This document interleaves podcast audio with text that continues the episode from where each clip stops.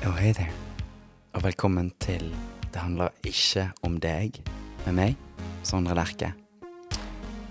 I en spesialutgave, for i Kjærlighetstråden så skal det handle litt om meg, men aller mest om deg. Som dere hører, så har vi gitt en mann tillatelse til å snakke med oss i dag. Vanligvis slipper vi dem ikke inn annet enn for å ta seg av det tekniske, sånn at vi kan sitte og skravle i fred. Hvordan føles det å eh, være første gjest til å Vindenes hule? Oh, jeg fikk faktisk en sånn dirring i mageregionen eh, mens du snakket nå. For jeg skjønte egentlig hvor, hvor eh, Privilegert du er. Ja, hvor privilegert. Jeg som sitter her i, i hulen. Men i oppvarmingen så har vi tenkt å gi deg en falsk følelse av trygghet. Eh, Så vi skal la deg snakke om ting som du er litt vant til å snakke om. Ja. Eh, Før vi uh, åpner for spørsmål fra lytterne Ja. som uh, eh, trenger hjelp av oss alle tre eh, Mm. til å bevege oss litt inn i ubehagelig farvann og svare på deres spørsmål om kjærlighet, sex og samliv. Mm. Og vi har tenkt å besvare alle kjærlighetens gåter en gang for alle. Ja, alle, absolutt alle. Og deretter så skal vi kun for våre patrions knuse Sondre Lerches selvtillit og forsøke å få ham kansellert i vår nye spalte Rikskansleren, der vi utfordrer våre gjester for å finne ut om de er allies eller ei. Vil han bestå, eller blir Sondre Lerche kansellert? Det finner du bare ut om du abonnerer på Det handler ikke om deg på Patreon. Det anbefaler jeg alle å gjøre. Det gjør jeg. Du var en av våre første abonnenter. Ja, jeg var det. Og ikke bare var han en av våre aller første abonnenter, men han spilte en viktig rolle i å bringe oss sammen. Det stemmer. Eh, for du har faktisk vært en eh, veldig betydningsfull del i å smelte den isen som aldri fantes mellom meg og Maren, ved å invitere oss på privat patosmaking hjemme hos deg i fjor høst. Det stemmer, det. ikke bare det, men du var også en av de første eh, og eneste til å si til meg Maren, du, du burde jo ha en podkast. Ja. Og så bygde du opp selvtilliten mitt, eh, min dit hvor da Malin spurte, så kunne jeg vært sånn Ja, det, Ja. det, her, burde, det her burde jeg prøve meg på. Så da hadde jeg litt den inne, og så kunne den ikke-eksisterende isen som Malin snakka om, også smeltes litt videre når vi møttes sosialt. Og så ja, men hvor, tid møttes dere første, første gang?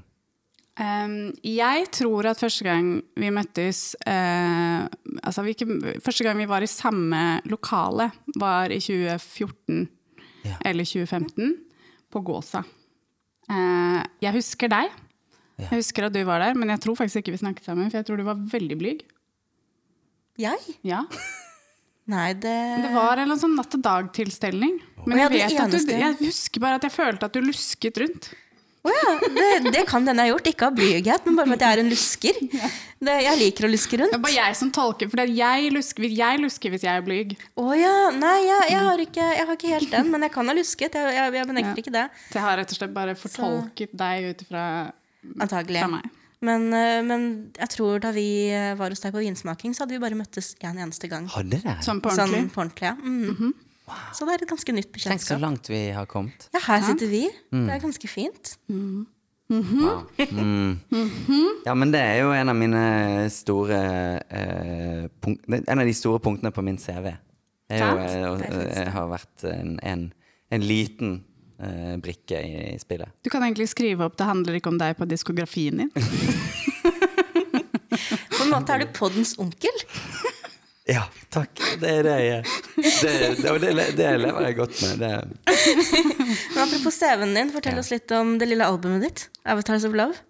ja, altså Avatars of Love, det er den nye platen min. Den kommer eh, 1. april.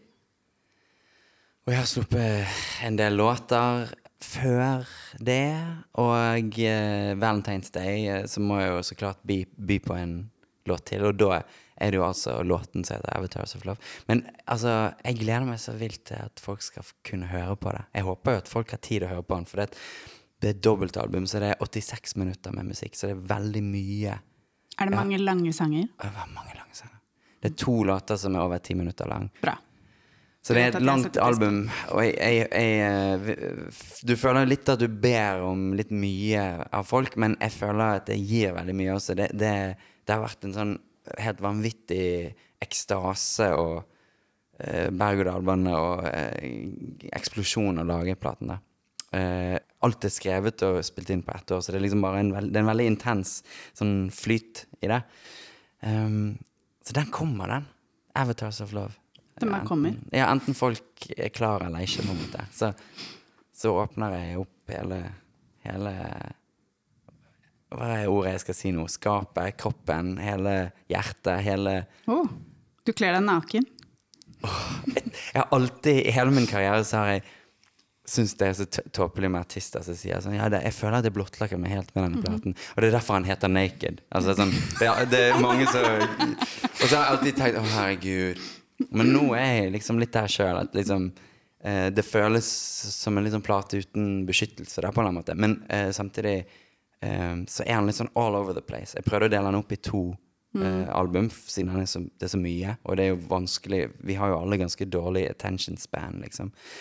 Men det var jo liksom Det føltes litt sånn uh, uærlig å, å splitte det opp i to sånn ryddige avdelinger. Det må være liksom kaos. Et stort kaos. Et stort kaos av følelser. Det er en ekstremt inderlig plate. Den er veldig inderlig. Og den, er, den er, går i alle retninger. Den er både veldig nostalgisk og sentimental, og så er han også Og så handler han veldig også om eh, Deg? Absolutt. Men han handler også altså, er det er rett og slett en plate som handler om begjær og, og sex og samliv og kjærlighet, som vi skal snakke om her i dag. skrevet i den dag. spesifikt for i dag. Det det er basically sier. kjærlighetstrådens uh, manifest, Lydspor. kan du si. Ja. Ja, manifest er bra. Er det derfor du slipper Avatars of Love akkurat på Valentine's Day også? ja, det er for å, å prøve å, å, å på henge med på kjærlighetstrådens uh, mange sting. Det er veldig bra låtnavn.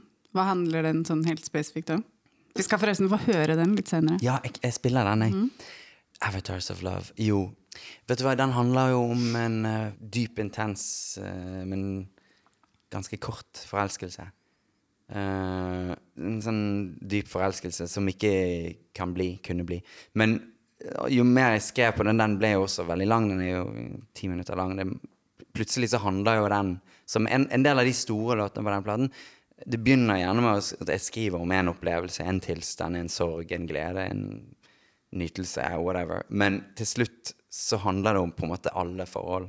Og, og, Avatars of Love plutselig handler jo om nesten alle romantiske, lidenskapelige um, opplevelser, nesten. Eller alle møter som setter spor, på en måte. Og så plutselig er det, er det en sånn lang rant uh, med masse låter som på en måte har hjulpet meg å sette ord på følelsene før jeg selv greier å skrive låter av det. Så det er en veldig sånn f- fri eh, assosiasjonsstrøm, på en måte, da. Men den handler jo om på en måte det å ja, Egentlig, vet du hva han handler om? Han handler om å forelske seg i noen som du ikke kan få.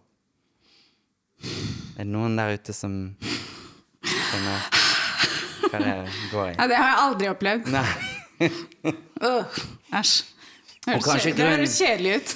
Kanskje grunnen til at ikke du kan få vedkommende, er jo også at uh, det er et visst element av luftspeiling. Altså et, dette ideen om liksom eh, si, avatarer, det er jo Vi er jo ikke fremmed eh, for det, så klart. Jeg er jo artist, og da er jo man, lager man konstant avatarer av seg selv, på en måte.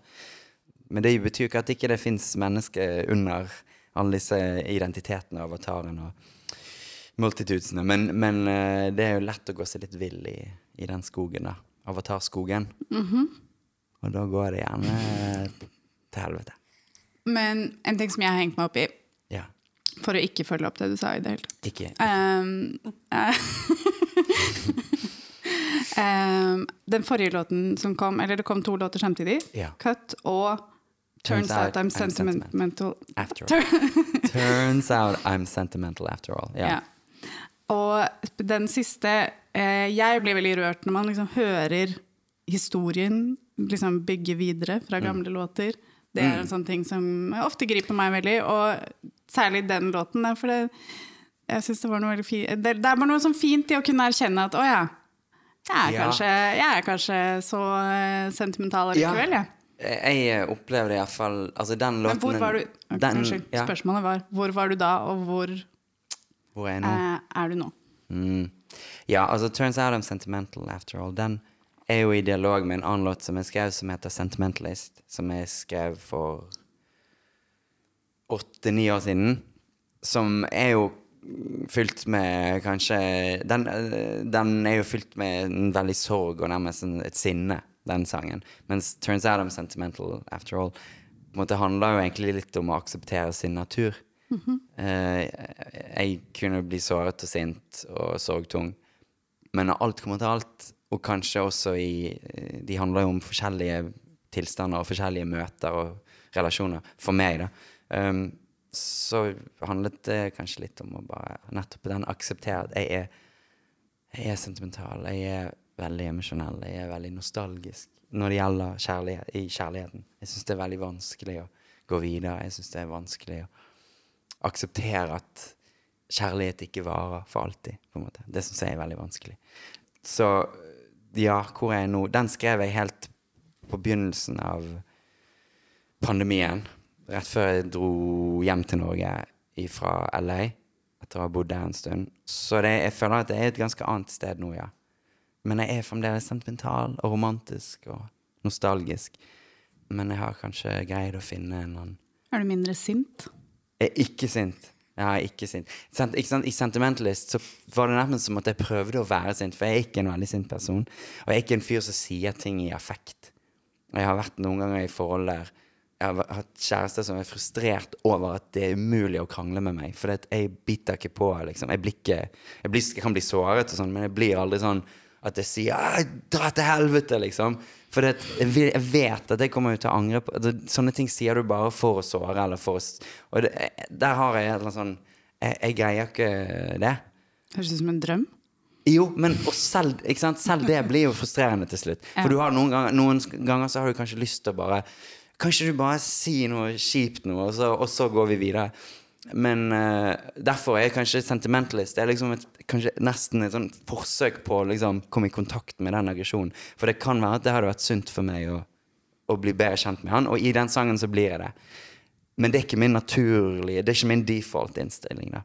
Du blir ikke engang irritert hver gang jeg vil snakke med deg om Sentimentalist, som her hver gang. For det er liksom Det er faktisk min favorittlåt i hele verden noensinne, har jeg kommet frem til. Sånn det, nummer én wow. foran Sist gang var det topp fem. Nå er det ja, nå er, nå er, det ikke lenger topp fem. Det er, det er topp én. Wow. Så jeg klinger wow. meg liksom fast til hvert eneste ord om den låta, som en liten sånn koala som reddes av en brannmann.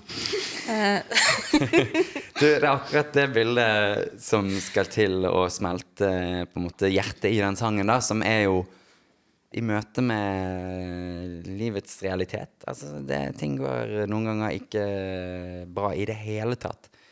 Men den er jo liksom Den flørter jo med en eller annen bitterhet som på en måte jeg heldigvis innehar den ikke i, sånn, i det jevne løp. Men jeg tror det var sunt for meg å skrive den sangen, og det var sunt for meg å kjenne litt på at, at du trenger ikke å, å, være på en måte helt uh, zen hele tiden, da, på en måte. Det er umulig. Det er umulig. Så, det, så, den låten Jeg spiller jo den ofte fremdeles. Det er en sang som betyr ting for folk, og den betyr veldig mye for meg. Men da går jeg jo inn i det, det, mørke hjertet, på en måte. Og det, det er litt fint. Mm. Uh, det er ikke så ofte jeg er der, liksom. Men den, uh, den er en viktig sang for meg, da. Så jeg, jeg er veldig smigret over at, at Maren liker den så godt. Ja, så jeg bare retter spørsmålet rett til deg. Da. Hva betyr den for deg?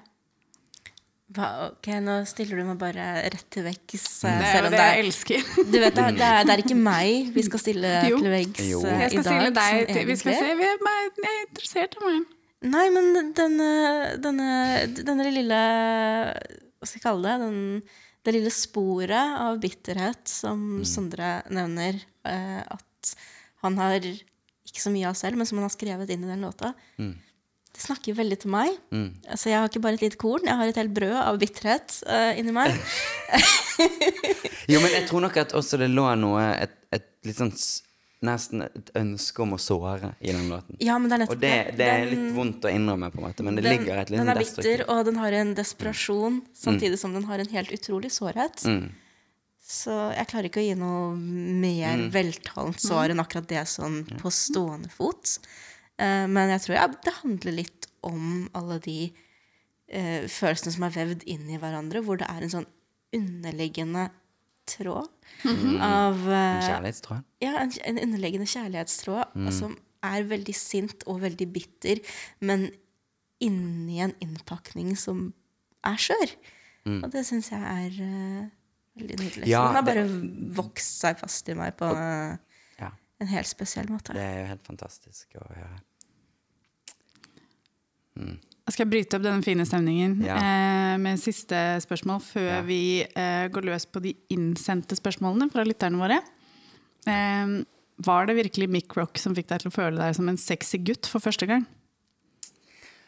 Um, ja, det, det, er, det er ikke så langt fra sannheten. Det er kanskje spissformulert litt. Men jeg husker iallfall at Amerika fikk meg til å føle meg som en sexy gutt for første gang. Når jeg eh, ble, fikk oppmerksomhet fra amerikansk publikum og presse sånn for den første platen min, for Faces Down, så syns jeg det var så befriende å, å komme der og, og bli eh, beskrevet som en jeg husker I, i Rolling Stone-armen så sto det at jeg så ut som lillebroren til Britney Spears. Oh. Og, eller Britney Spears' sexy little brother. Et eller annet Wow. sånt. Og jeg husker at det var liksom Det er jo et enormt kompliment. ja, jeg, jeg husker at jeg syntes det var litt sånn gøy å bli objek objektifisert på en eller annen måte. At jeg syntes det var litt sånn forfriskende. Uh, også fordi at jeg liksom har alltid følt meg som en litt sånn Jeg var en ganske forfengelig, men sånn kvisete tenåringsgutt. Jeg hadde lyst til å se ut som Morten Harket. Jeg var, tenkte mye på utseendet jeg ville, liksom. Men, men ikke sant, så var ikke hormonene med på det. Så når jeg da skulle være popartist og Det føltes litt som at i USA så fikk jeg liksom en annen type respons. Fikk, jeg fikk veldig ble tatt på alvor som låtskriver og, og alt sånn, og du ble litt sånn indie heartrob, som det heter, liksom. Eh, og det likte jeg litt, for eh, jeg følte i Norge så ble, ble jeg bare liksom en sånn her geek. Eh, litt sånn irriterende geek, ikke sant. Mens i USA så fikk du komme og være litt sexy og være være litt sånn ha, ha, eh, hot young and new, liksom. Og, så, og samtidig så de lyttet jo mye mer intenst på musikken eh, og låtene og alt sånt. Så det appellerte litt til meg. Og så gjorde jeg da en fotosession med han fotografen Mick Rock, um, som har jo tatt legendariske fotografier av rockestjerner, særlig på 70-tallet. Og, og mange sånn sexy androgyne menn og sånn Uh, Bowie, Freddie Mercury og sånn. Og når han da skulle ta bilder til Two A Monologue-coveret, så var, var han helt sånn Han var så fascinert av skinnbeina mine. Han var sånn kunne ikke forstå at han var, You should be model. Og so sexy. Og dette er jo sikkert bare en eller annen strategi også for å få meg til å myke opp, for jeg var jo litt stiv og, og, og liksom i fotosession. Men jeg ble jo Til slutt så trodde jeg litt på det, og det var så deilig å bare bli vartet opp eh, av en sånn dekadent stjernefotograf som bare sier liksom oh, yeah. Oh, oh yeah, oh yeah Altså Han var virkelig en sånn parodi. Yeah, make love to the camera. Oh, let me see those cheekbones. Og det var veldig sånn seksuelt og perverst på en måte. Og det, jeg synes det var liksom Det var deilig. Det var deilig. Ja. Og da, etter like etter det, så flyttet jeg til New York. Nei, det hadde jeg også gjort. Skal vi se, Nå skal jeg finne fram første spørsmål her. Første spørsmål eh, kommer fra en anonym femcell. Hei, podkasten. Jeg er en heterofil kvinne, og i det siste har jeg vurdert å omfavne at eh, jeg er en kvinnelig incel eller femcel. Er det håp for meg der ute? Kan jeg bli en Becky eller Stacey? Eller burde jeg bare akseptere min skjebne og bli den neste Valerie Solanas? Sant? Så sterkt å høre folk eh, snakke, eller høre stemmen, stemmen deres når de sier Sier hva de lurer på. Altså, her er det jo tre begrep jeg ikke aner hva betyr. Vi Skal vi begynne å forklare? ja. Vil du begynne, Maren? Ok, Så femcell er jo egentlig en kvinnelig incel. Eh, mindre hang til vold, men hun nevner jo Valerie Solanas, som eh, vi kjenner til at eh, skjøt eh, Andy Warhol eh, i et forsøk på å drepe ham. Så, så det Som også har finnes jo skrevet av The Scumbag Manifesto. Ja, Ok. det eh, ekstremt eh, misandriske, altså mannehatende manifestet. Ja. Um, så Og det var det hun sier hun vil ikke eh, Eller Nei, skal jeg lurer på om må, må hun det omfavne sånn- det, rett og slett? Ja, Eh, eller om hun kan bli en Stacey eller Becky. Og en Ja. Stacey eller Becky er jo det er også da incel-begreper. Stacey er liksom den uh... hyperseksuelle kvinnen. Ja. Den uh, Pamela Anderson-typen. den, den veldig sånn Det seksuelle idealet. Og så har du en Becky, som også er en attraktiv kvinne, men en ordinær Ja da, ja. Litt sånn Jeg, jeg, identifiserer, jeg identifiserer som en Becky. Og Becky, altså er det samme Becky som i, i Beyoncé-låten eh, med- Der er en referanse til en Becky på Lemonade. Ja, For det er jo Becky. Det er jo with the den, good hair. Ja, den, liksom den standard hvite Ja. Vanilla. ja, Mhm. Vanilla hvite Så, sånn, sånn Men hun Så, men men ja. vent da, hva er spørsmålet? Burde hun prøve å bli Kan hun bli en Stacey Ja, Becky, ikke eller burde hun prøve å bli en Stacey eller Becky? eh, Det er Ja. vel om hun eh, skal prøve å, Ja. prøve Skal hun å bli det. assimilere i det hun ser på som de to eneste alternativene? Ja, eller skal hun bli en femsel? Jeg vil redegjøre én Mm. ting eh, når det gjelder femcells, og det er jo og da svarer jeg egentlig litt på spørsmålet fra mitt perspektiv, og det er ikke bli en femcell, i alle fall i, i betydningen organisert femcell, fordi femcells har jo eh, Det finnes jo et slags nettverk altså det, online. Det finnes jo et fellesskap som ikke skiller seg så veldig fra de mannlige incellene. Men det er Litt mindre vold. Litt mindre vold, bortsett fra Valerie Solanas. Eh, så det er hovedforskjellen. Eh, men der finnes det veldig mange eh, radikalfeminister som har en hang til ikke bare transfobi, men også rasisme. Eh, Mye av det går jo på at og det er en ting vi ser i samfunnet for øvrig også. at det er Når menn føler seg avvist, så føler de at det er noe galt med samfunnet. Når kvinner blir avvist, så føler de at det er noe feil med dem. Og det blir en utseendefiksering. Og da handler det mye om hvordan kan jeg bli objektivt vakrere. Hva skal jeg gjøre? Og da er det ofte veldig mye som kommer frem som handler om å tilpasse seg de veldig, veldig feminine, eurosentriske standardene. Stacey og Becky. Ja, så, så Reddit, for eksempel, de har uh, stengt ned uh, True Femcell, som er femcell, uh, eller var, uh, subredditen der. Så da, da er det på det rene. Jeg, jeg sier uansett ikke bli, ikke bli femcell, i, i den forstand i alle fall. Nei, det er en gateway til mye, mye, Ja. mye, Ja. mye vi ikke kan stå inne for. Absolutt. Um, Og så vil jo jeg Det er jo et litt kjedelig svar, men jeg, eh, jeg skulle jo likt at vi kunne da introdusere på en måte Du har Stacey og Becky, men at man kunne introdusere et tredje og et fjerde og et femte på en måte eh, alternativ, eller en, en, en, en annen eh, karakter eller kategori eller ramme. for ting er ikke så satt. Nei, det, er, Er det? høres jo veldig trangt ut. Ja, og jeg er skjønner jo at det kan oppleves sånn eh, som femsel femcell. At det oppleves som de eneste alternativene.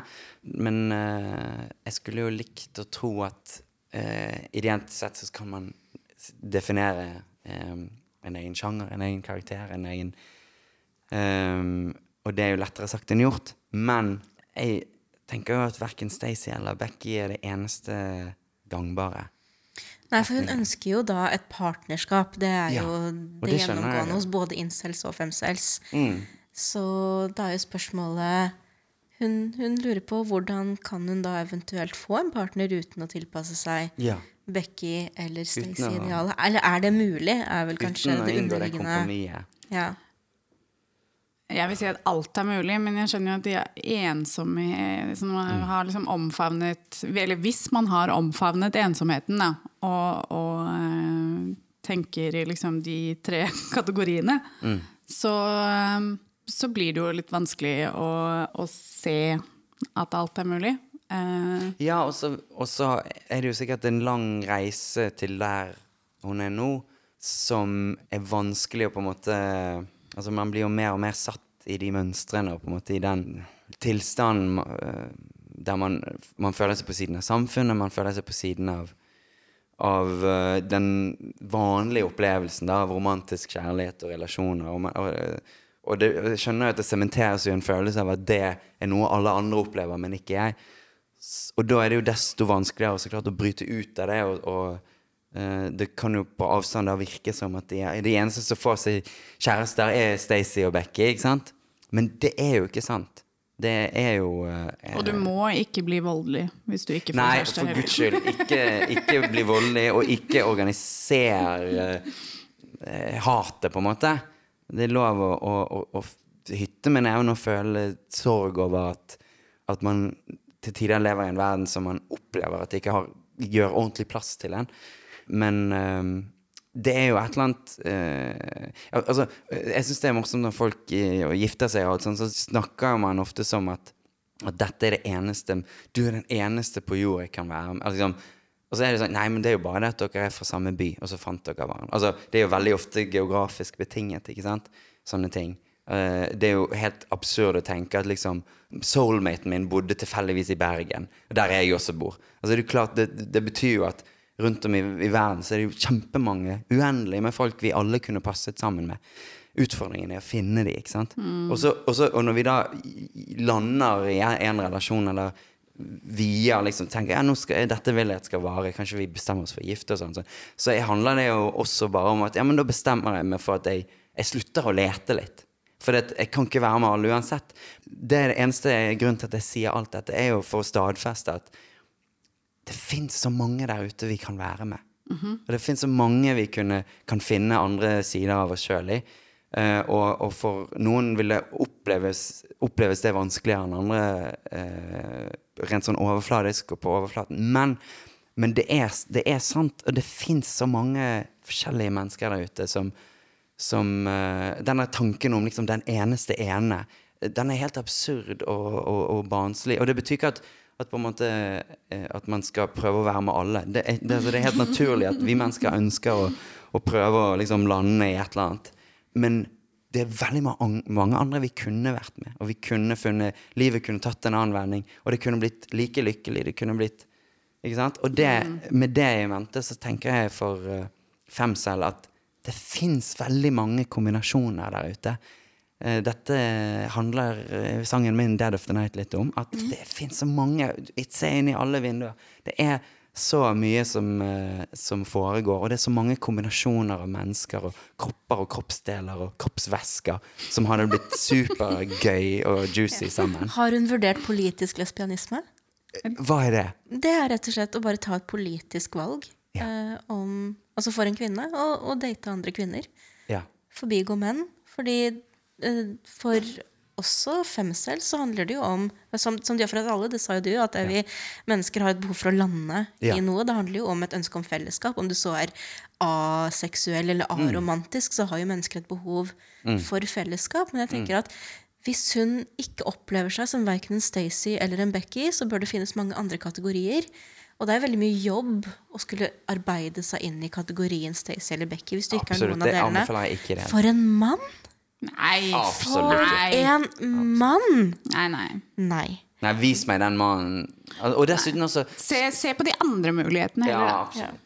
Og det, og det, er nettopp det. Og da Hvilken mann er det, liksom, som, som du skal bli til Stacey eller Becky, så du skal flate ut hele ditt mhm. indre liv for å, å, å tiltrekke han? Du tenker at det fins faktisk eh, andre menn og kvinner der ute som er mye mer spennende, og som vil se deg, og det kan føles som et sånn ja, men jeg har jo lært det, jeg har prøvd, og jeg føler det er vanskelig å ta det grepet. Når jeg var uh, tenåring, sånn, så hadde jeg eneste jeg hadde lyst på, var kjæreste. Men jeg var venn med alle de jentene. Jeg ble venn med dem. Mm. Jeg fikk aldri ikke sant? Jeg ble alltid For jeg var, jeg var en glad, hyggelig fyr. Men jeg ble aldri kjæresten. Ikke sant? De ville alltid ha en eller annen bad boy som sto og røykte Du var ikke en sexy gutt ennå? Jeg var ikke en sexy Nei. Jeg hadde, I, I had yet to become a sexy boy. Men, ikke sant? Så, så det, og da husker jeg jeg tenkte også, ja, men hva må jeg gjøre for å bli han, liksom? Må jeg, må jeg, også, må jeg begynne å røyke, liksom? Eh, ikke sant? For å bli uh, uh, Josh, liksom? Eller, eller Chad. Uh, ja. men heldigvis så, så gjorde ikke det, og det syns ikke jeg heller at, at hun skal gjøre. Nei, jeg er helt enig. Mm. Jeg også. Jeg tenker at vi går videre. Mm. Eh, dette er et spørsmål fra Emil. Hei, det handler ikke om deg. Um, jeg trenger tips fordi at hver gang jeg er nyforelska, så mister jeg appetitten min fullstendig og klarer ikke å få i meg noe som helst mat. Har noen av dere opplevd dette, uh, og har dere noen tips? PS. Uh, eh, Sondre Lerche, romkameraten min crush på deg, og jeg lurte på om du hadde lyst til å gifte deg med henne. Det har vært veldig koselig. Hun er både pen og kul og snill. wow. Pen, kul og snill. Det er jo ikke stort mer jeg trenger enn det. Nei, du kan, kan du stå imot det? Men altså, giftermål er jo litt Det er litt det- Man må Ja. Jeg har vært gift før, så jeg, jeg, og jeg giftet meg da litt sånn kjapt og fort og gærlig. Mm. Så jeg, jeg eh, tenker at andre gangen eventuelt så skal jeg være litt, litt ha litt kulere hvert fall hode, møte henne først. Ja, eh, men det høres lovende ut. Ja. Eh, Men, men det er jo ikke den viktigste delen av spørsmålet, så klart. Eh, gift, altså. Selv om jeg fikk et frieri nå. Eh, Bare lurer på, Husker du eh, at jeg fortalte deg at eh, da jeg var tenåring, så eh, prøvde mamma å liksom se, se seg ut eh, potensielle partnere for meg, og du var liksom øverst på listen. Det var bare det, var, det, var bare, det, var det eneste du snakket om. Det var sånn, han Sondre Lerkemalin. Han, det, han, det hadde vært noe for deg. Han er veldig søt. Hun likte deg veldig godt. Og det gikk så langt at til da jeg ble sammen med Lars, din fetter, Ja. så brukte jeg for, Fordi at mamma har jo da, selv om hun likte deg veldig godt, så har de en veldig sånn intenst uh, hat mot Bergen. For de er uh, tunge Vålerenga-supportere. ja. Um, så uh, da jeg fortalte mamma at jeg var blitt sammen med en fyr fra Bergen, så kunne jeg uh, heldigvis liksom parere hennes 'å nei, ikke Bergen' med 'men han er fetteren til Sondre Lerche', altså. Wow. Mm. Shit. Ja, men jeg er glad det var godt for noe. Men eh, ellers, eh, den matlysten, det er også Ja. en veldig velkjent opplevelse, det. Jeg, eh, Absolutt. uan, egentlig uansett hvilken sinnstilstand jeg plutselig og brått går inn i, så Ja. er matlysten det første som ryker. Alt som rammer på en måte hele kroppen og sinnet og tankene og alt sånn, har jo en tendens, tror jeg, til, å- til å på en måte koble av en del av, en, en del av de eh, eh, Ja, altså Det de handler jo om hormoner. Altså det, du får, når du er forelska, du får et endorfinrush, Ja. og det hemmer matlysten helt automatisk. Det er, eh, det er rent kjemisk. Ja. Så da må du tenke pragmatisk. Du, Ja. må, du må sørge for å tenke pragmatisk nok til at du får i deg nok energi Ja. til å kunne gjøre alle de tingene med din nye flamme som du vil. Ja, så du ikke Ja. besvimer på date, liksom. Det er jo pinlig, da. Du, du må huske å drikke nok vann. Mhm. Og da må du kanskje drikke jeg vet ikke, drikke et glass vann i timen, liksom. Hver Ja. time. Altså, du, man Særlig hvis ha du spiser lite, så må du drikke ekstra mye vann. Og så må du da ha Du må både ha de faste måltidene, og så må du også kanskje ha en pose nøtter og rosiner eller noe sånt i, i lommen. Eh, sånn at du hele tiden har noe å gå til. Eh, så man, ja, man må kanskje være litt pragmatisk. Det er jo litt kjedelig og usexy å, å skulle sette opp en sånn timeplan. Enten det er i hodet eller i kalenderen eller på telefonen. Men det, Husk hva du gjør det for. du, Ja. ikke sant? du gjør det for kjærligheten, og du gjør det for nytelsen. Ja, og for, altså, du mister kontroll hvis du ikke spiser. Du blir galere, du blir Ja, mindre ja, ja. rasjonell. Du har ikke, altså, sånn, så sjansen for at liksom, ting går i dass Du blir hvis du ikke spiser, er mye større. Absolutt. Og, du, og, og, og man skal jo produsere en ereksjon, og man skal jo på en måte, Alle disse tingene krever jo at du, du, du må ha mat, du må ha næring. Du, blodet ditt må flyte gjennom kroppen. Det er veldig mye som kan eh, egentlig, altså Til slutt så vil det jo være destruktivt for selve forelskelsen og sexakten og, og romant de romantiske vibrasjonene. Da. Så det er jo faktisk viktig. Men så er det jo Det er et eller annet sånn deilig med den, eh, roman, den eh, forelskede utmattelsen. Nå romantiserer jeg litt også, da.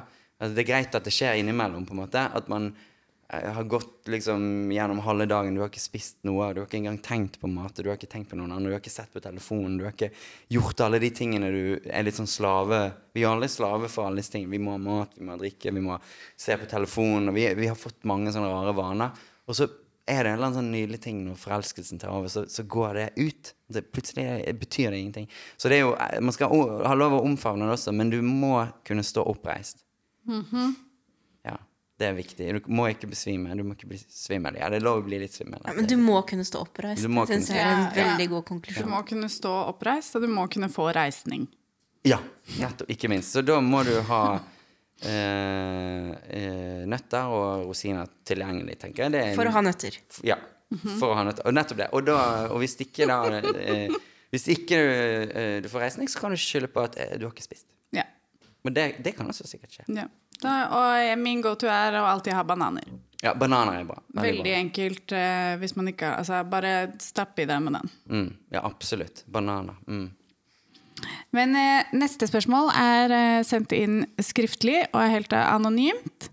Eh, og det er hvordan kommer man seg egentlig over kjærlighetssorg? Åh, Og det er jo det vi alle lurer på.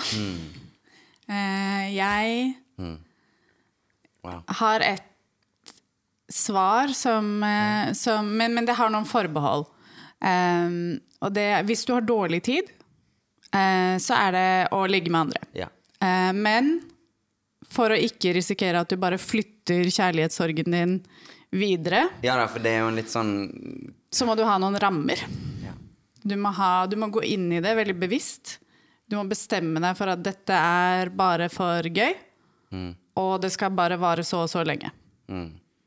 Eh, og så har du en sånn naturlig begrensning eh, som du må det, Men det gjør også at du går inn, i, går inn i ting annerledes. Jeg har testet det, jeg fått det til én gang, eh, og veldig fornøyd med meg selv. Eh, ellers har jeg eh, bare gått på sånne smeller hvor jeg har tenkt sånn Ja ja, men nå finner jeg på noe nytt, og så bare blir jeg lei meg pga. det i stedet. Ja, det er jo det som er faren. At, at man tenker at man skal måtte skifte fokus, og så bidrar bare det eh, til at du blir tristere, og du får mer, egentlig mer fokus på det du prøver å flykte litt ifra.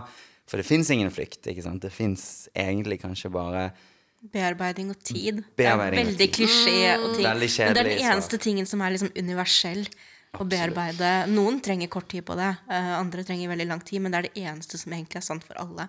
Mm. At det må ta den tiden det trenger. Og bortsett fra det, så er det så mange individuelle Ja. faktorer som Ja, det er litt sånn Hvor lang er en ledning, liksom? Ja, det, det spørs. Ja.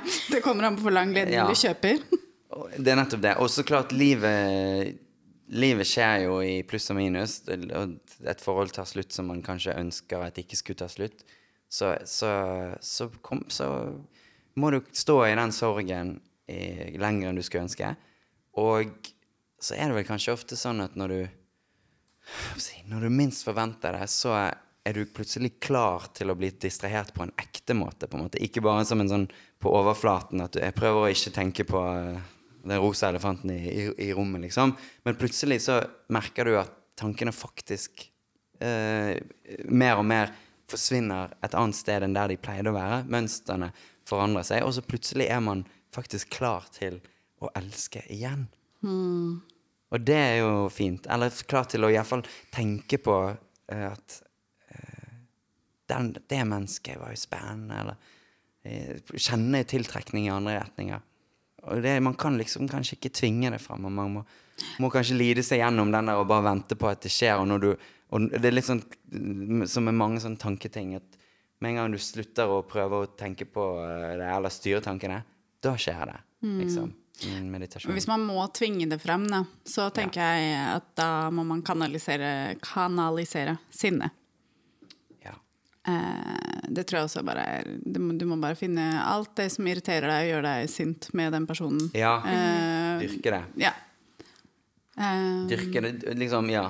Ja, ja, men denne personen her gjorde dette og dette mot meg. Det er jo veldig det, For det er jo nettopp Det er jo vel ofte det at man sitter igjen med det og tenker veldig mye på de gode tingene man mister, men det man glemmer, er jo at dette mennesket har jo såret meg. Dette mennesket har jo valgt meg vekk. Og ta litt i også. Ikke bare tenk på tingene Nei. som irriterer deg og har irritert deg, men ting som du tenker deg kan ha vært et problem på sikt. Mm.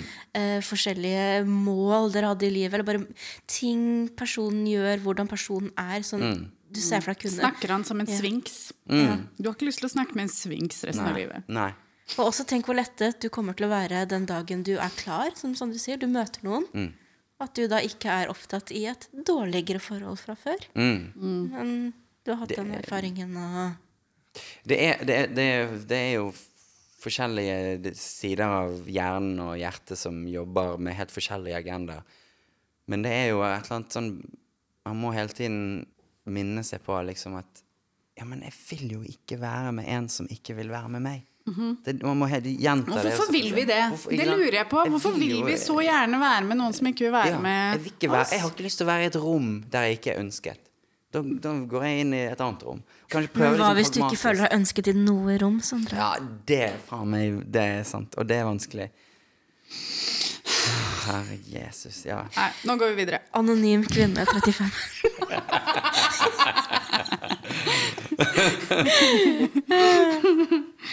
Eh, neste spørsmål er også innsendt eh, med lyd, og Mm.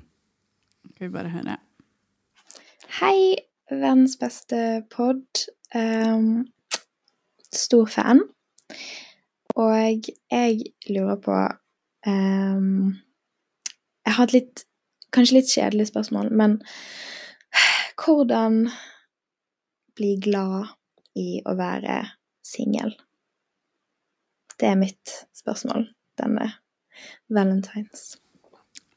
Det er et veldig godt spørsmål. Det er et veldig godt spørsmål. Noe jeg heller aldri har funnet ut av. En veldig fin stemme. Mm, Mm, nydelig. Dialekt også. fin dialekt. Mm. Hvordan? Hvordan? Åpenbart et veldig nydelig menneske. Ja. Anton. Helt åpenbart. Jeg tenker at første, første ting jeg tenker på, det er venner og nettverk. Ha mennesker rundt deg som oppfyller veldig mange av dine behov. Det er ikke det samme som å ha en partner, men, men bare det å ha det i livet sitt. Folk som gir deg mye, folk som du elsker å være rundt, folk som du kan dele livet ditt med gleder og sorger, for å si det på en veldig sånn Mm. klisjéfylt måte, og, og gi det samme tilbake.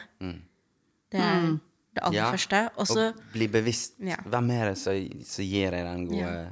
Og energi. alle mennesker, uansett hvem vi er, har godt av å være alene i perioder. Finne ut av hvem vi er, hva er det vi vil, hva er våre mål, hva er våre ønsker, hva kan vi bidra med? Og det vil også gjøre deg til en bedre partner den dagen du havner i et forhold.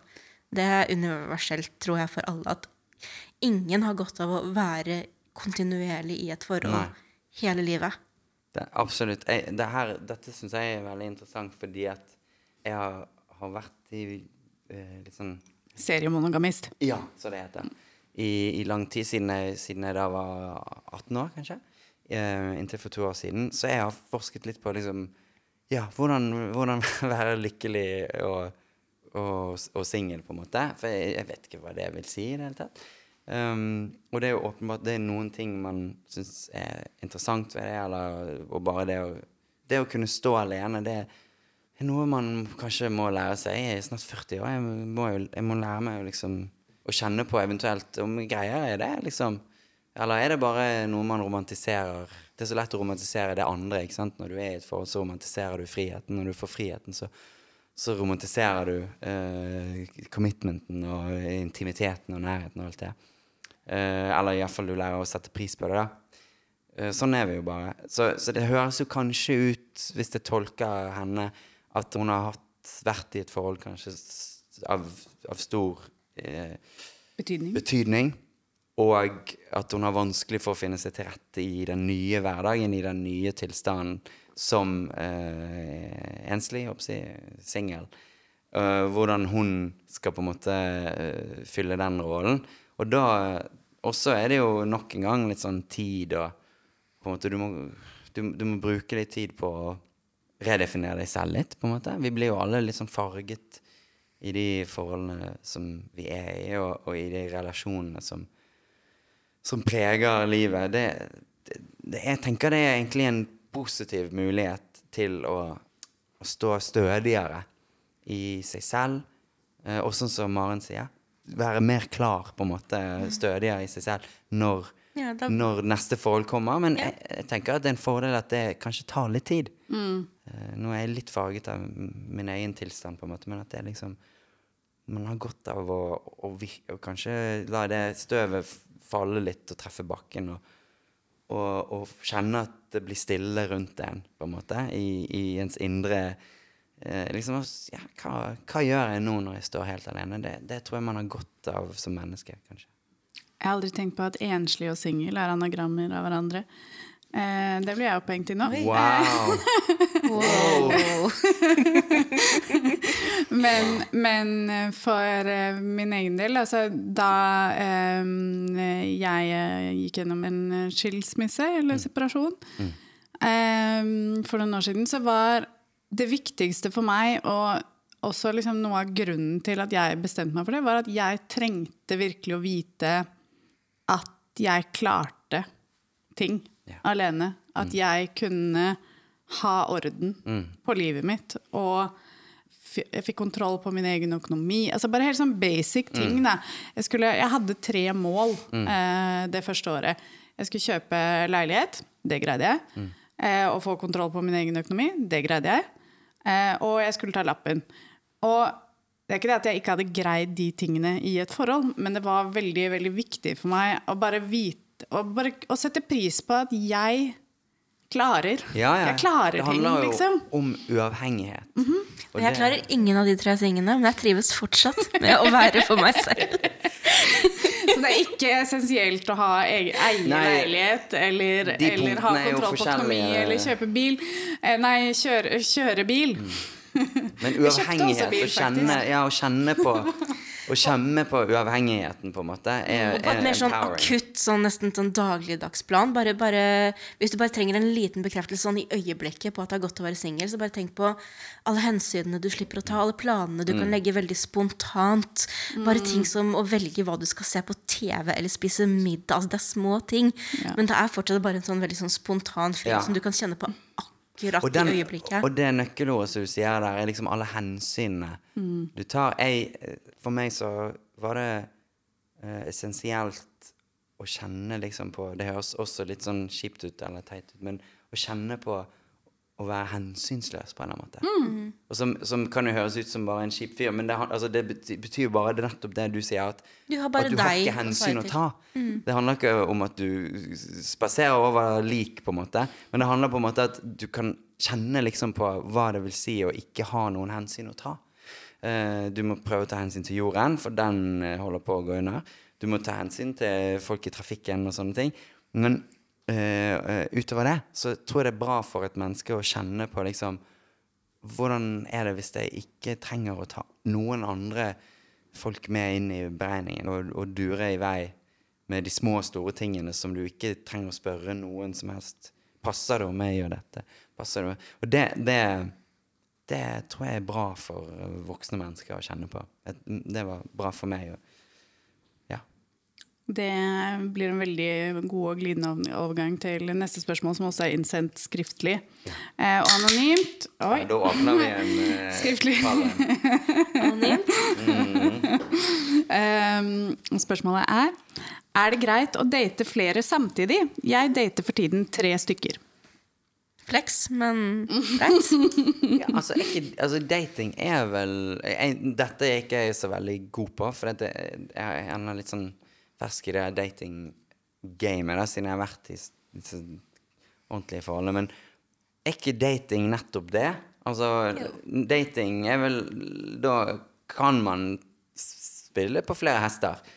Og så kommer jo, hvis det er en man har lyst til å holde på, eller se litt lenger fram i horisonten med, så er det vel naturlig å si at eh, jeg ønsker at verken du eller jeg skal møte andre mennesker. Jeg mener, jeg har lyst til å være eksklusiv. Speiler det din interesse i meg? Jeg Du kan si det på en litt mer sexy måte enn det. Jeg synes det, det er ganske sexy. Ja. Det var klinisk, konkret, veldig, veldig politisk. Ja. Speiler det din Speiler det interesse i din meg? interesse? Vi speiler hverandre. Men liksom Er ikke det det som er dating, da? Jeg, jeg, jeg, merk, jeg, jeg, jeg tror nok Jeg merker at jeg syns at det er avansert, på en måte. Jeg, jeg vet ikke om Jeg har ikke kapasitet til å date flere samtidig. Nei. Eh, og, men jeg er også en person som jeg må ha en viss emosjonell Mm. tilknytning eller et eller annet bånd for å i det hele tatt date noen. Og det greier ikke jeg å ha til flere samtidig. Jeg har Mm. prøvd, men da det blir mye, Jeg får så dårlig samvittighet, selv om jeg ikke trenger å ha det. For det er ikke noen men som du- du- har lovet noen noe i de situasjonene. Men, men jeg Og, hva, bare- og dating er jo da Altså, dating er jo at man møtes gjentatte ganger Mm. for uh, hygge, sex, uh, Samvær. samvær. Men hvis det er en du dater flere ganger, og du har møtt en stund, men så er alle de andre blir bare i den ene daten og sånn, da bør man skjønne at å ja, men det er en fellesnevner her, det er en jeg kommer tilbake til. Da bør jeg kanskje eh, kjenne litt på, tørre å kjenne på, at er det verdt å liksom møte alle disse andre når, når de kommer og går, men det er en person som jeg vil tilbake til. Da må man kjenne litt på hva er, hva er det som gjør at jeg vil tilbake til dette mennesket. Kanskje dette mennesket fortjener mer eksklusivitet, eller kanskje dette mennesket Og der er det jo twisten med dating. Er jo at når, Hvis du går til det mennesket, da, så kan det jo være at det mennesket også dater mange andre, og sier 'Å ja, nei, men jeg syns det er fint sånn som vi har det'. Og så får du smake din egen medisin. Ja. Så det er farlig. Det er farlig dating game. Men innforståttheten er jo det viktigste, Ja. sånn for å svare konkret på spørsmålet. At alle er innforstått Ja. med at man bare dater. Og det gjelder også hvis man skal være litt på det med, med si, Nei, aktivt samtykke er det viktigste. Ja, Mm, ja, det er viktig. aktivt samtykke er faktisk det viktigste. Men tenk på teknikaliteter. Hvis du, Mm. hvis du har vært på noen dates med noen hvor dere ikke har avtalt noen eksklusivitet, men Mm. eksklusivitet, eh, eksklusivitet eh, men hvor du vet at den personen ville blitt lei seg eller såret av å vite det kjenner man ofte ja, på. Eh, så er det fortsatt å føre den personen bak lyset hvis du holder tilbake at du dater andre. Så det kommer litt an på hvor i relasjonen man er. Man må jo bare være empatisk på det. Det er ikke Det det. noe Jeg husker jeg hadde sånn dårlig samvittighet, ja, fordi jeg sjonglerte liksom, to mennesker i en sånn overgangsfase. Eh, Den ene situasjonen var ganske sånn greit avgrenset, men jeg følte jo likevel at når jeg på en måte foretrakk den andre situasjonen, så måtte jeg si ifra. Ja. Um, og uh, hadde veldig sånn dårlig samvittighet og syntes at det var vondt og følte at han ble såret, liksom. Men så fant jeg jo ut mange, mange måneder senere at han sjonglerte jo eh, altså, alt mulig samtidig, så det var jo absolutt ingen grunn til at jeg Nei, skulle føle noe dårlig samvittighet. Men, men han følte jo ikke noe behov for å si det til meg, Nei. selvfølgelig. Nei, ikke sant? Og Fordi da har du menn- sittet der og sutt- vært eh, trist på hans vegne uten noe eh, grunn. Mm. Han, ikke sant? Ja. Jeg tror han hadde det helt fint med det. ja. Men det, det, er, det der Jeg, jeg syns det er fremdeles litt eksotisk, det um, The dating game. Ja, det, det, Mm. jeg, har ikke, jeg, har ikke, jeg er ikke så bevandret i det, jeg heller. Mm. Eh, jeg syns det var ganske utmattende, fordi at man blir altså helt Jeg blir så idiot, da. Uansett, liksom. Det er Det er, bare ny person Det er så mye ny Det er så mye nytt, og du skal liksom slitsomt å liksom introdusere seg på nytt. Ja, jeg syns jo at det er veldig gøy, på en Ja. måte. Jeg får veldig mye liv av det å kunne liksom presentere eh, meg selv på nytt. Og også litt sånn fordi rett og slett det å møte en helt ny person som ikke kjenner deg så godt, det er en anledning til å minne deg selv på alt det kule du har gjort. Ja da. Ja, det er jo en veldig gøy, gøy del av det. Men, men det derre at du liksom er sånn ja, eksempel som E- Emil eh, tidligere, Mm. som ikke klarer å spise, og man er helt sånn ukonsentrert, og du sitter bare og venter på å få en melding og neste plan. Mm. Det er utrolig utmattende. Og det er veldig vanskelig å gjøre andre ting, da. Mm. Eh, ha, fungere i en fulltidsjobb og date noen som du er sånn ganske greit betatt av. Det er utfordrende. Mm. Ja da, jeg, det er det. Jeg, jeg har noen venner som har hatt perioder der de har aktivt datet, f.eks. på Tinder og sånne ting.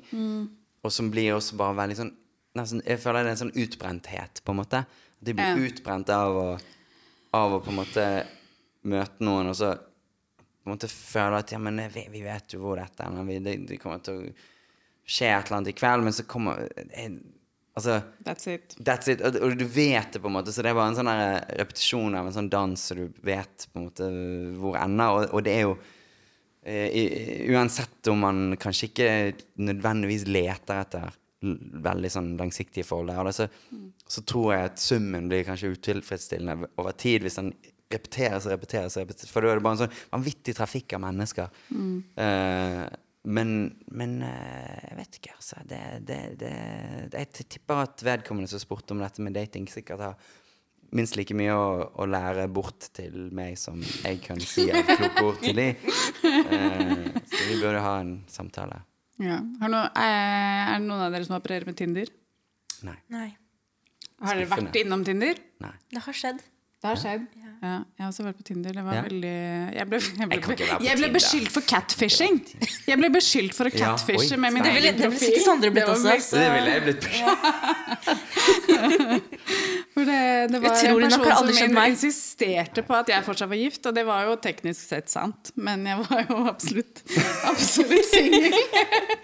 Som, som på Ja, papiret. de, de brukte det som liksom, bevis på at du ikke var den du sa du var. Ja, og så hadde det jo ikke vært noe Det var jo vi eh, Ja, nå avslører jeg noe veldig privat, Ja, men det hadde jo vært slutt mellom oss ganske lenge før det faktisk ble en nyhetssak. Så, det, så, så da, da, da offentligheten fikk, fikk vite om det bruddet, så, så hadde jo jeg vært singel i nesten et år. Ja. Um, Ja. så, så, så, men den- denne personen, så vidt jeg husker, så var han også en journalist. ja, så klart var han det. Eh, Men ja, ja, Maren. Innspill. eh, kvin- kvinne, eller Maren, Maren har et spørsmål. Mm -hmm. uh, hvordan er det å date i offentlighetens øye? Forferdelig. Det, jeg, blir så, jeg blir så paranoid. Jeg synes, Ja. altså, jeg- nå, og jeg er ikke i nærheten av så offentlig som Sondre, men for meg så var det en kilde til paranoia. Bare det at Ja, noen det skulle vite hvem jeg er. Uh, ja, det, det syns jeg var kjempevanskelig. Ja. Derfor så datet jeg bare folk jeg kjente, og det var også et problem. ja, så ikke sant? det begrenser du har jo opplevd da å være gift Det med en kjendis. Altså, hvordan utspiller Altså, hvordan påvirker det forholdet og din egen mentale helse, eller om ikke mental helse, så iallfall bare hvordan du opptrer i det forholdet? For meg var det veldig negativt. Det gjorde det mye vanskeligere enn det hadde vært om jeg bare hadde vært helt fri. Mm. Ja, det, det, det er sikkert det, det Jeg kjenner jo ikke så mye annet, på en måte, men det tvinger deg ofte til å eh, tvinger deg til å f.eks. formalisere en relasjon tidligere enn mm. en, en det, det som er naturlig, ikke sant? Mm. man blir jo ofte litt sånn eh, En sånn enhet utenfor en sjøl. Man blir dratt inn i en sånn rar eh, film, på en måte. Ja, det er veldig eh, Tar du hensyn til det når du er i relasjoner, eller bare tenker du det som er, det er?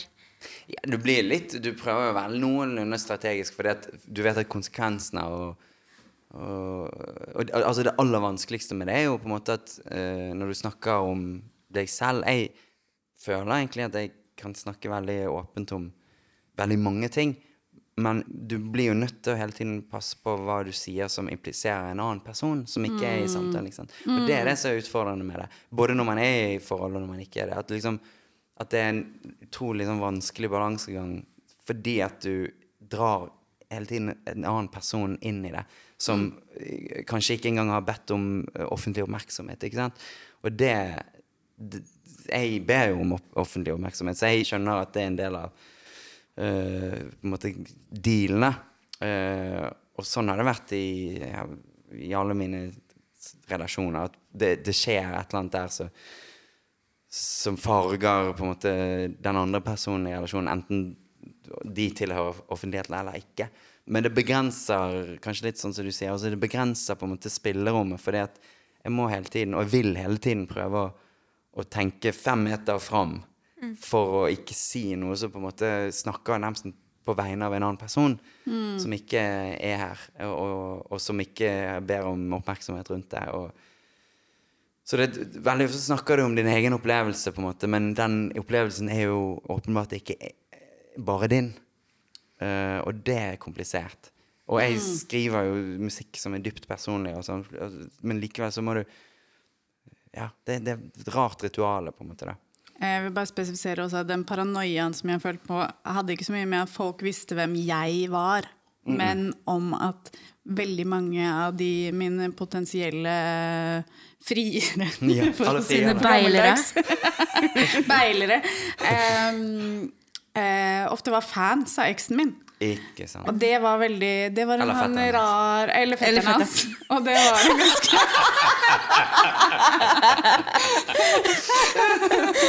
Sant?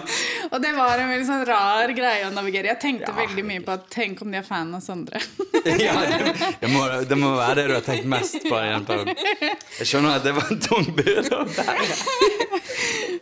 Men sånn B-spørsmål, jeg vet ikke hvor relevant det egentlig er for deg, i og med at du som etablert er seriemonogamist, men har du hatt liksom noen sånne kiss and tell-paranoiaer? Sånn opp, opp Altså at du er redd at folk skal Ja, at folk skal liksom veldig offentliggjøre sine relasjoner til deg når du kanskje ønsker at Det her er en Jeg har tenkt så mye på det, altså. eh, Men Men herregud, alle intime møter er jo in, eh, sårbare. Altså jeg, du, du kler deg jo naken. um, så det er, jo, det er jo Ja, man er jo sårbar. Men jeg, jeg, jeg har ikke tenkt Altså, ja det, Man ønsker jo at privatlivet skal for, forbli privat, på en måte. Men eh, jeg har ikke hatt liksom Jeg er ikke Rune Rudberg, akkurat, liksom. Så jeg har ikke ja, Det er ikke så jævlig mye å ta av, men, eh, men man har jo vært i sårbare eh, situasjoner, og man har eh, Du vet at noen kan ringe Se og Hør og si du, jeg lå akkurat med fetteren til Lars Vaular. For et scoop! For et scoop! Og det var, det var for det første, det var drit-awkward. Det var dritdårlig. Og det var er Herregud, han virket nå. superforvirret. Men altså, for 20 år siden, 20-30 år siden så hadde det kanskje vært en sak. Da. Det, er jo ikke, Ja, det skjer vel ikke det- nå? det- det- det I Norge, ikke nå. I Norge skjer ikke det lenger. Altså, og, og- Jeg vet ikke om folk prøver å selge sånne ting. Jeg, Nei, jeg, jeg vil gjerne vet høre jeg mer om man- det. det heldigvis. Jeg tror ikke det, det skjer eh, det hadde, hadde, sant, hadde, vi, hadde jeg vært eh, i England og medlem av den engelske kongefamilien, kanskje, Mm. da hadde jeg hatt et litt mer begrenset spillerom. Men heldigvis uh, så er ikke det. Og de er jo, de er jo helt crazy. Så uh, kanskje det er noe jeg bør være takknemlig for. Jeg husker bare at jeg tenkte veldig på når jeg var Når jeg akkurat kom inn i offentligheten og slapp min første singel og fikk brått veldig mye oppmerksomhet da. Så husker jeg bare at jeg syntes det var litt sånn flaut for meg selv. Dette visste ikke andre. Men det er flaut å være popstjerne og være jomfru. Det husker jeg jeg tenkte. Wow, ja, men det skjønner jeg jo. Ja. Det skjønner jeg veldig godt. Herregud. Altså, det for, og da opplevde jeg å få veldig mye oppmerksomhet. Hvor lang tid gikk det fra du liksom ble popstjerne til du mistet da fikk jeg veldig sånn hast. Fikk du dårlig tid? Jeg fikk veldig dårlig tid. Og det var jo ikke smart heller, på en måte. Men jeg tenkte mye på det. Liksom, herregud, jeg, jeg, du får mye sånn oppmerksomhet for at er så moden og flink og god og alt sånn. Og så følte jeg veldig på det. det herregud, men, men, men jeg er jo jeg, er jo bare en nerdete jomfru, liksom. Følte jeg. Tenk hvis de finner ut! Det tenkte jeg på. Så der følte du litt Jeg følte meg sårbar, på en måte. Tenk hvis, tenk hvis de egentlig finner ut at jeg bare Ja, ja, jeg er dritgod til å skrive låter, det kan ingen ta fra meg. Men jeg er også bare en nerdete jomfru. Det var sikkert mange som skjønte at det var tilfellet. Men eh, ja, så der, der, der kjente jeg litt på den sårbarheten i offentligheten. Ja, det, ja. Som tenåring er jo det veldig, Ja, det var veldig jeg vanskelig. var. 18 år Herregud, så mye som farer gjennom hodet da. Da er du gal i hodet fra før, og så får du alle det. Helt ko-ko. Ja. Ja. Ja. Kan vi høre på neste spørsmål? Jeg kan ikke det. Kjære Sondre. Dette er et spørsmål som handler om meg, og jeg tror kanskje også veldig mange andre. Jeg er nemlig en person som er ganske full av kjærlighet til familie og venner. Men så er det også sånn at kanskje fordi jeg er norsk, eller av andre grunner veldig forknytt, når jeg skal si til noen 'jeg er glad i deg', så blir jeg så veldig, veldig flau. Så enten så sier jeg det ikke i det hele tatt, kanskje prøver jeg å gjøre noe som viser det i stedet, eller så sier jeg det, og så har jeg lyst til å gå og gjemme meg i flere uker etterpå. Jeg regner med at du har et godt svar på hvordan kommer man over å være sånn. På forhånd takk. Wow. Ja, det er veldig søtt. Det er Det er det. Du, du får bare lyst til å si til denne personen at du er glad i Ja, henne. jeg er glad det. Jeg elsker Ja, jeg, jeg ble umiddelbart veldig glad i henne. Ja. Men det, det, er, det er rart med det. Jeg, jeg um, kjenner meg igjen i det på et visst plan. Eller det jeg snakker litt til det der med det norske elementet, på en måte. Det forknytte norske elementet. For jeg har lært veldig mye av min trommeslager Dave Howlman, som er amerikaner. I både kroppsspråk og i, i på en måte det å bare å si I love you, man. Ja, for han er ikke veldig forknytt. Han er ikke veldig forknytt. Absolutt ikke Og han deler ut klemmer i øst og vest. Altså, jeg, jeg, jeg har aldri vært en sånn klemmer. Eh, og kanskje litt forknytt, eller bare litt sånn Jeg syns ofte det liksom Jeg vil ikke klemme alle, men Dave deler ut klemmer til alle, og inkludert internt i bandet. Altså, jeg tror Dave har utviklet på en måte hvordan meg og de andre i bandet da, som vi spiller sammen Vi har spilt sammen i elleve år nå. Hvordan vi greier å uttrykke kjærlighet til hverandre da, som menn. Og det har vært veldig verdifullt for oss, tror jeg, å lære litt av Dave. Og også videre sånn kanskje til familie også. Det der å si 'jeg er glad i deg' til familie og sånn, det er ikke en del av mitt, eller kanskje de fleste nordmenn sitt vokabular.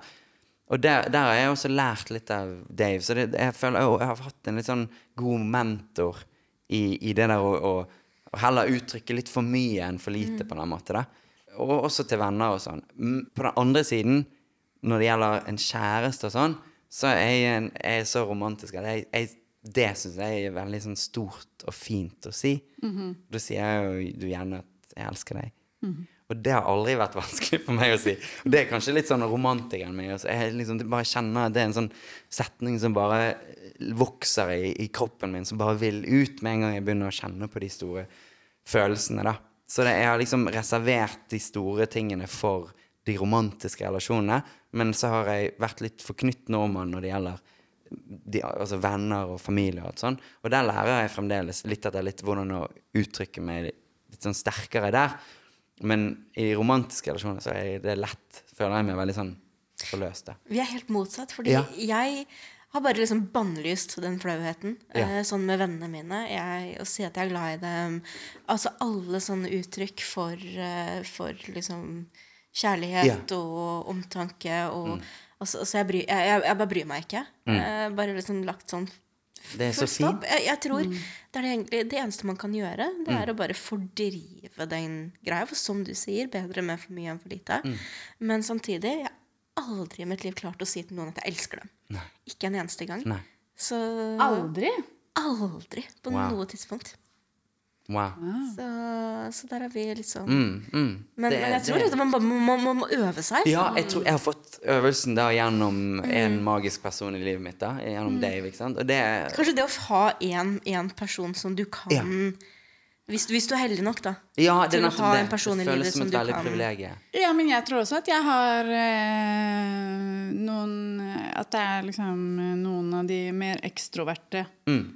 Vennene mine som har lært meg at vet du hva, det er helt chill å uttrykke, uttrykke ikke noe kjærligheten du har for vennene dine. Og det har gjort meg Det er jeg ganske avslappet til, men Mm. i likhet med deg så er, er det litt vanskeligere med familie. Ikke søsken, men Mm. foreldre, besteforeldre. Jeg syns det er litt vanskelig eh, Og det er bare fordi det ikke har vært en sånn naturlig altså, det er ikke sånn at man hører det den andre altså, Ikke at jeg ikke hører det, men, men det er ikke noe man sier til hverandre jevnlig. Mens til venner så, så kan jeg finne på å si at jeg elsker de jevnlig, særlig hvis jeg tenker at de trenger å høre det og bli minnet på at jeg faktisk Ja, gjør det. Eh, og og eh, da sier jeg mye heller at jeg elsker de enn at jeg er glad i de. Mm. Fordi for meg, så hvis, hvis du er en god venn, så Mm. elsker jeg deg. Liksom. Det, sånn er det. Og jeg som skulle til å si hvor rørt jeg ble at eh, du sa du var glad i meg her om dagen, men så er det åpenbart bare det betyr Det er Nei. Jeg har sagt at jeg elsker deg også. Det er helt sikkert. det? Okay. Ja, det helt men, ja, men jeg elsker deg også, så Wow. da har vi Her ble jeg den første du sa det til. What? Og vi har på luften, på, i kjærlighetstråden. Dette Bare onkel Sondre kunne brakt dette ut av oss. Sånn, For et gjennombrudd! sånn blir det når onkel Sondre er på besøk. Neida, men, men jeg, jeg- jeg tenkte jo egentlig mest spesifikt på at jeg aldri har sagt det i en romantisk sammenheng. Men ok, Ja. ok. Ja, ja, ja, Vi ja. lar det. Neida, Skjønte. men, Nei, men jeg tar, jeg tar den, jeg. Nei, men det var en annen ting. Altså, bare, bare tenk på hvordan det blir mottatt. Altså, hvis du tenker at du blir flau når du sier til noen at 'å, jeg er glad i deg', eller 'jeg er redd det skal være for mye'. Men hvor ofte har du hørt 'jeg er glad i deg', og tenkt 'å, det er så kleint'? Ja, ikke sant? Aldri, tror jeg. aldri. Det skjer, Det- det er det skjer nettopp ikke. det. Det er, jo, det er jo det fineste man kan høre, og, og alle vil høre det, og alle trenger å høre det. Og, og livet handler jo i stor grad om å hele tiden utvide vokabularet, på en måte. For følelser, for opplevelser og sånn. Eh, og dette er jo en av de områdene der Kanskje det er et poeng da, at nordmenn trenger å utvide det. Jeg tror vi har lært litt av? Vi syns kanskje om amerikanerne er overfladiske som sier 'I love you', og altså, som, som spør liksom 'How are you?' så mener de bare 'Hei'. Vi syns det er litt sånn overfladisk omgangsform. Men egentlig så har vi kanskje litt å lære av det. Å tørre å liksom slenge ut sånn uh, ting som egentlig bare er positive, og som viser interesse og kjærlighet for Man må tørre. Punktum. Man må tørre. Må tørre. Og det, jeg vil si at eh, til eh, våre innringer at det er bare mengdetrening, da. Rett og slett. Absolutt. Fordi jeg, også, jeg kan også huske liksom sånn den derre At det er litt sånn awkward. Mm. Men det er rett og slett eh, bare hva er det det heter, eksponeringsterapi, Mm. som, mm. som kan gjøre noe med det. Mm. Neste spørsmål er også innsendt skriftlig, Mm. eh, og det er veldig konkret. Ehm, hvor er klitoris? Oi. Ja, men ok. Eh, er det jeg som skal få Det er definitivt du som skal svare på det. Altså, Vi har, ja, hvordan- innehar klitoris. Jeg har en viss idé. Jeg har en viss idé, Ja, så jo, men er det, nå føler jeg at det, da er det, det Det er som et gameshow, på en måte. The Du skal sette, Ja, vi- sette klitoris på grisen. Ja, Og hvis du treffer feil, så, bare, så, så, så trekker vi en spak, og så er det en fallem under er deg. Så hører vi aldri fra deg igjen. Cancel. Nei, vi hørte aldri fra han fetteren til Lars igjen.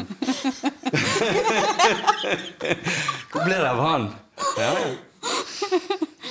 Jeg hørte at Ja, nei, Jeg, altså jeg heller litt mer Jeg tror jeg kommer til å. Ja, jeg trenger det. Nei, altså Jeg, jeg syns det er overraskende at det er så vanskelig å, å finne. Kanskje. Syns du det er vanskelig å finne? Nei, jeg syns det er overraskende at det er ah, ja, en stor ja. sånn Men det er jo godt å høre. Ja. Ja. ja. Men så hvor er det, da? Jeg kan ikke sitte i en podkast! Kan du, kan du ikke? Eller vil du ikke? Nei Hvis vi tenker på sånn, Skal jeg finne fram en sånn anatomisk bilde av eh, klitorisk? Mm. Klitorisk? Ja. Wow, dette er så spennende. Nei, de må finne en anatomisk korrekt gjengivelse av hele vulvaområdet, og så må Sondre da peke ut Ja. hvilket område som er eh, klitoris. Mm, vulva. Og så kan Ja, nå lager vi nesten TV, føler jeg. Men Ja, men vi kan bekrefte eller avkrefte men, overfor eh, lytteren hvorvidt han klarte å korrekt identifisere ja, Men, men det er jo veldig spennende. Tenk hvis det ikke er Finland, da. Tenk hvis jeg har bare misforstått. Da er du kansellert. ok. Ja. ja, altså her er dette er det eh, Altså her er det en åpen vagina, på en måte. Eller og, vulva. eh, Ja. Ja. Eh, og så har du på en måte rumpesprekken helt nederst, og så har du på en måte eh, toppen av eh, Ja, altså kjønnshårene øverst der, kan du si. Uh, og så er det jo uh, Ja, nettopp. Dette er jo litt spennende. Ja, takk. Uh, og det et, dette bildet du har funnet, har i tillegg to hender som virkelig bretter og åpner. Åpner så det er veldig dobbel Det er dobbelt bra. Overskriften er 'Vulva, skjeden og indre kjønnsorgan'. Det er en fin tegning. Altså, jeg, mitt inntrykk er jo at, uh, eh, at uh, klitoris er, er liksom det her, ikke det? Sånn? Riktig! Ja, takk. Wow. Jeg, nå er jeg så lettet, for det uh, Ja. Og så Ja, er Vi kan da bekrefte at Sondre Lerche klarte å korrekt identifisere området for klitoris. Ja, og sette, sette klitoris på grisen. jo, nei, men der var den. Dette det er en veldig interessant illustrasjon. Eller interessant, bare det at han er så Han er litt sånn Det er godt å ha på det rene. Han er litt sånn Albert Aaberg-aktig på en måte. Hvis det var klitoris i Albert. Ja, hvis det var hvis det, noen, noen må lære faren til Albert Aaberg, som er enslig, å finne klitoris. Da er det en god tegning. I så fall så kanskje han ikke hadde vært singel lenger. Nei? Kanskje han ikke hadde mista alt håret i en alder av Ja. 34? Var det Ja, ikke det faren det- han var ganske ung. Ja, Han var det. Men, men han er jo enkemann, da, vil jeg tro. Eller er han fraskilt? det Eh, jeg lurer på om moren til Albert Aaberg er død. Ja, ikke sant? Jeg tror det er liksom er- Altså, nå jeg er Ikke, ikke sikker. Nei, men jeg tror det er en litt sånn Jeg tror det er noe sånt. Og da, det er det som gir han eh, en litt sånn ekstra sårhet. da Særlig når han blir stilt til veggs og må vise hvor klitoris er. da har du likevel der store, triste øynene. Store, triste øynene. Virkelig. Åh, ja. Eh, og dette er en perfekt overgang eh, til eh, kveldens siste spørsmål. Mhm. Innsett med lyd. Mm. Eh, fra poddens venn Andreas Veie Rosvold i Mm. Karakter. Nei, ikke karakter. Han, det hender når Merkur er i retrograd, at han blir besatt av Lars Lillo Stenberg. Og så pleier det å henge i i et par uker. Oi, oi, oi. Og han har vært her ganske lenge, etter hva jeg har observert på Twitter. Så eh, Ja. vi bare ja, kjører. Spiller nå?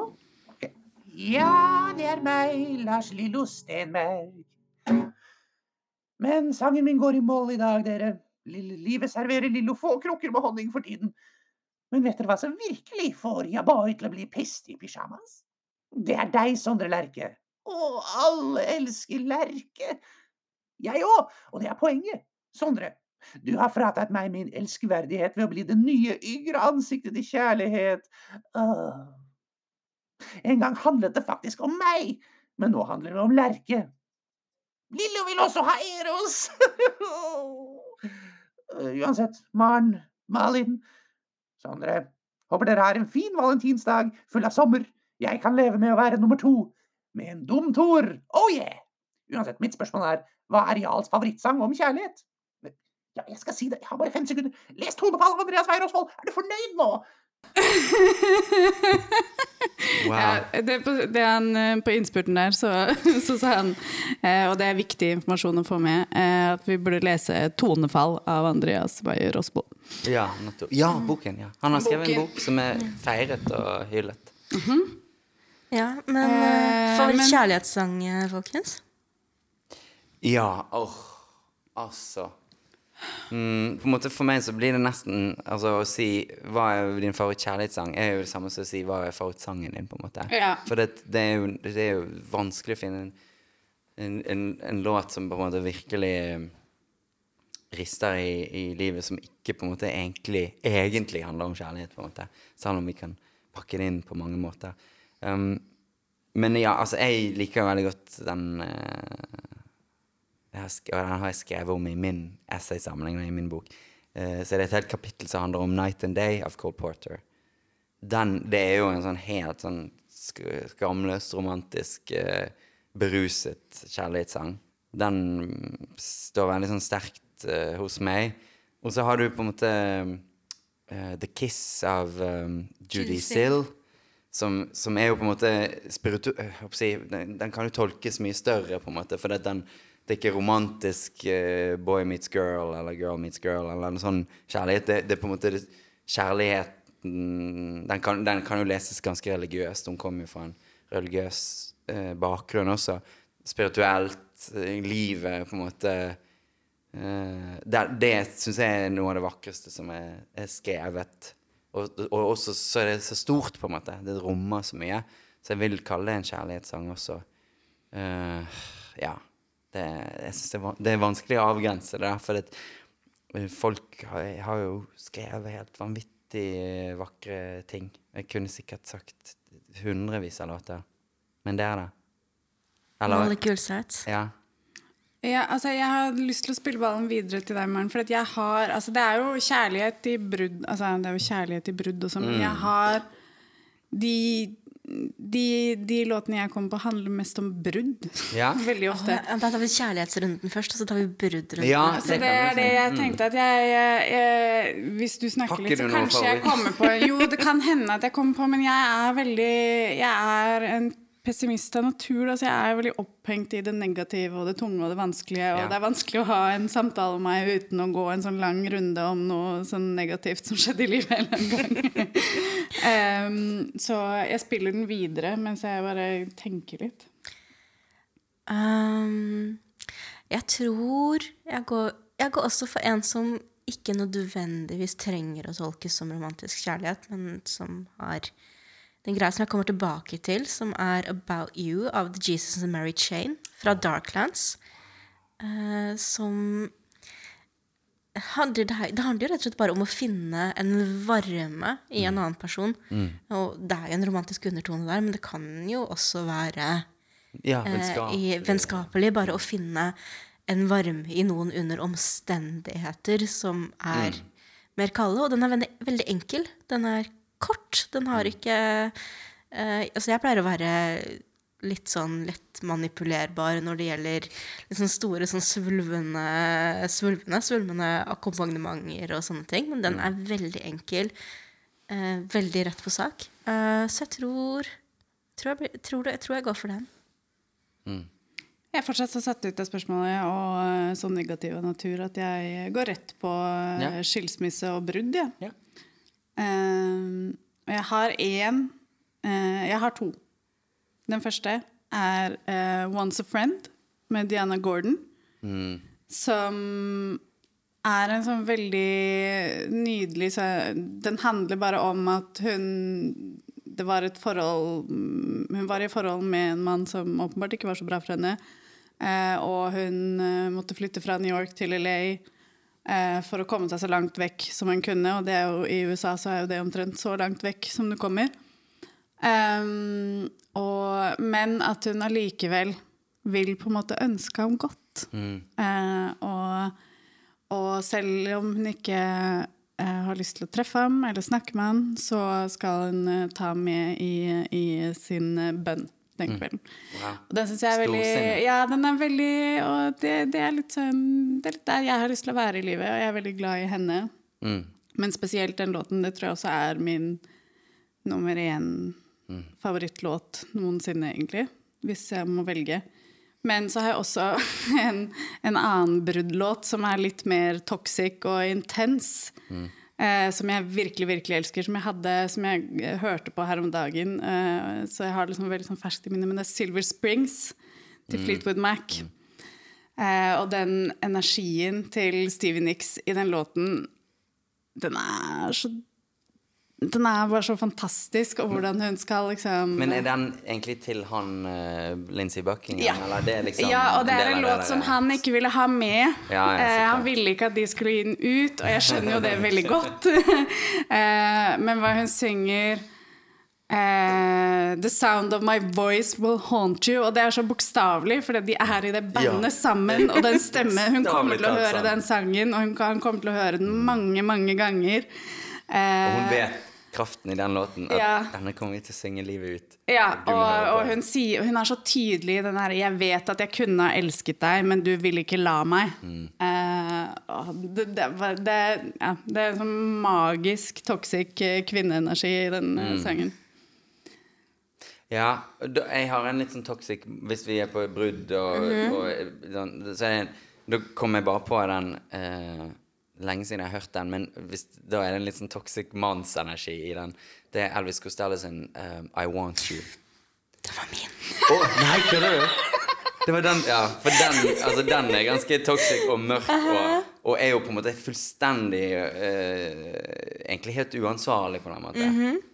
um, Men den er så bitter. han er så bitter. Han unner, unner uh, ikke henne noe godt. Elvis Costello for lytteren er først og fremst kjent som bartenderen fra Spice World The Movie. Det stemmer. Det stemmer. Og i Austin Powers, The Spy Who Shagged Me. Den dukker han opp med Men, um, men den, ikke sant, der er han, og han, han, han ser for seg øh, når hun er med en annen. Og, og, og, og, og på en måte virkelig Han gjør vondt verre for hvert Også den uh, eh, the, Did you call his name out while he held you down? Oh no, my darling, not with that clown. Som bare er en sånn Det er sånn han er jo så patetisk. En sånn patetisk Og så liksom sånn passiv-aggressiv. Mm. Det er en sånn Ja. Ja, den er, og den er, nå- jeg får litt sånn gåsehud av å snakke om den. Mm. For den har ikke jeg hørt på lenge. Det fins en fantastisk versjon av den på YouTube, i hvert fall, uh, der Fiona Apple synger den. Oi. Og den er helt fantastisk. Og det, det Jeg ble femsel bare av å høre at du sa at den finnes. Ja, den finnes. Og, det- og den har han Jeg tror Elvis har også sagt at det er liksom hans favorittcover av hans låt. Det er at hun synger 'I Want You'. Og gjør det enda mørkere. Mm. Fantastisk. Eh, og det er vel kanskje en eh, perfekt Segway til at du skal få spille den ikke så lille låten din eh, 'Avatars of Love'. Ja, vil dere høre den? Vi vil veldig gjerne høre den, og det blir også det siste dere hører fra oss i dag. Takk for følget. Who do you see when you close your eyes? Is that a part of me or part of the disguise? Ecstatic moments reduced to this. Is it a remedy or is it the abyss? We knew the danger. We rose above. And for an instant, we were avatars of love. We came very close, and yet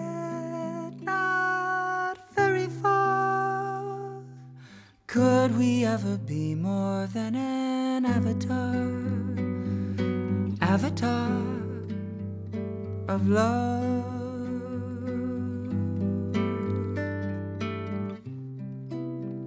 We picked our poisons, composed ourselves, embodying the passions wasting on our shelves. All that excitement, all long bottled up, our insides poured into a flooded paper cup. We fit the moment, just like a glove, and for a second became avatars of love. We came very close, and yet Frozen in our history as avatars, avatars of love. Avatars, avatars of love.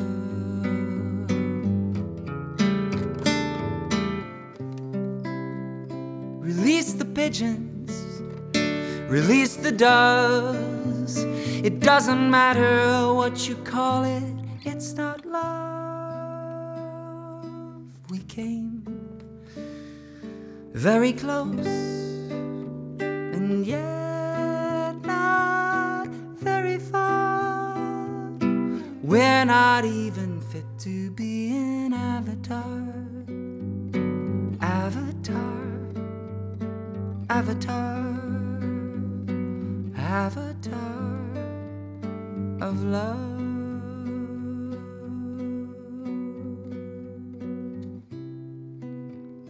So, who are we? Lost in the stars. We're only flesh and smoke and mirrors from afar. This little trigger, a glitch in time, a song to tip the scale as we turn on a dime. Play all of folklore and all of blue. Play half of Evermore and all of Down to You. Play Sunset Village. Play multitudes. Play every take on in a sentimental mood. Aguas de Marzo. Waters of March. Any translation key or read from any chart. Play Sherlock Holmes. Play Sacrifice. Play at the river and then smoke gets in your eyes. Play Watertown. I'll be in tears. Slip into character performed by Britney Spears. Play every time. And then sex kills. And then May later by the talented Blake Mills. Play I'll Come To by Jimmy Blake. The case of you in any tapping you can take. Now play The Kiss by Judy Sill. Play Jesus Blood, play Lady Day sings You're My Thrill. Play Left Alone or Omen 3. If you could see me now by Chet or Peggy Lee. Play Signs by Drake or Signs by Snoop. Play every single damn disintegration loop. Now play our song before we pause. It's now the saddest little song there ever was. We came very close, close. Play it for Pete and Polly too. Play it for anyone who fell in love with you. We came very close, and yet not very far. Who are we in real life if not avatars?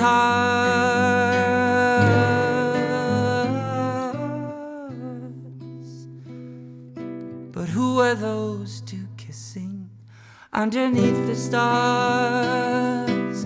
Avatars of love. Avatars, avatars of love. Ooh,